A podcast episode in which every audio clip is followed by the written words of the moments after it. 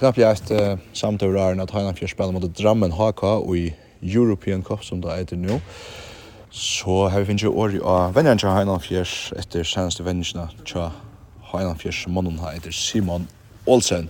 Simon, et døgn til, ja, godt og vel et døgn til, til det går løs mot Drammen. Hvordan har du det?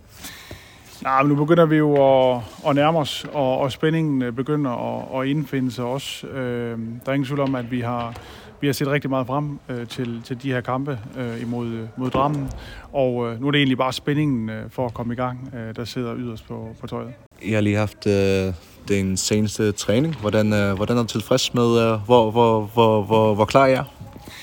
Jamen, det er selvfølgelig altid svært at, at sige. Øh, det finder man vel egentlig først ud af, når man, når man kommer, kommer i gang med kampen. Men, men vi har, har forberedt os øh, grundigt, som, som vi plejer, og øh, har snakket om, om, om de ting, øh, vi gerne vil øh, på banen, og hvor vi gerne vil ramme øh, drammen hen. Øh, og øh, så håber vi, at, øh, at det lykkes os i morgen.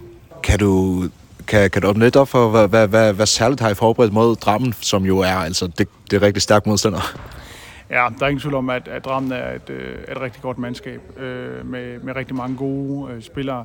Der er ingen tvivl om, at det, jeg tror, der bliver helt centralt afgørende på kampen, det bliver, at, øh, at vi får minimeret deres kontrabase. Altså, de vil rigtig gerne øh, løbe, og det bliver vores opgave øh, angrebsmæssigt at skabe gode forudsætninger for at løbe retur. Øh, og så ellers prioritere den der returløbsdel, der gør, at vi kan få nogle 6 mod 6 situationer, hvor vi så øh, kan håbe på, at vi kan lykkes når, når, når du ser drammen komme ud af bolden til, de, til de, den, den, den lodtrækning, der er. Øh, hvordan, hvordan går du til i gang med, og hvordan har forberedelsen været? Du sagde, du, du har været, det har været rigtig lange forberedelser, eller du, du har forberedt i, i lang tid. Så øh, for, forberedelserne har, jeg tror også, man skal passe på med ikke, og, og man skal også passe på med ikke og øh, at ændre for meget på ens holds forberedelse, bare fordi det hedder drammen. Øh, men der er ingen tvivl om, at der er selvfølgelig gået rigtig mange timer med, med, med video, øh, og vi begyndte lidt tidligere. Øh, men altså, øh, vi kommer til at møde et, et rigtig, rigtig godt hold.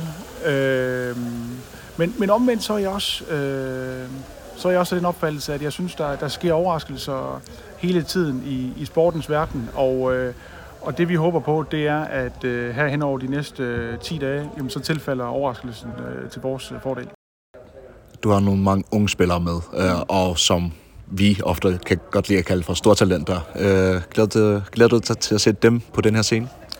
Ja, det gør jeg. Altså, jeg synes, der, vi har en, en trup med rigtig, rigtig mange spændende spillere, der blandt unge talenter, som, som du også siger.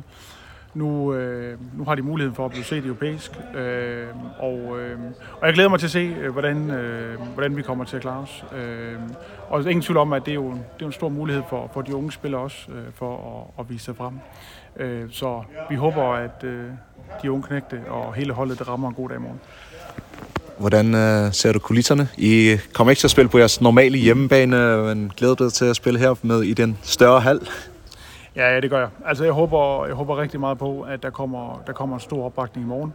Øh, selvfølgelig for Heinerfjers også, men også generelt for for færøsk håndbold synes jeg. Altså jeg synes det er så enormt vigtigt at der er nogle klubhold, der tager noget initiativ til at komme ud og spille de her europæiske kampe.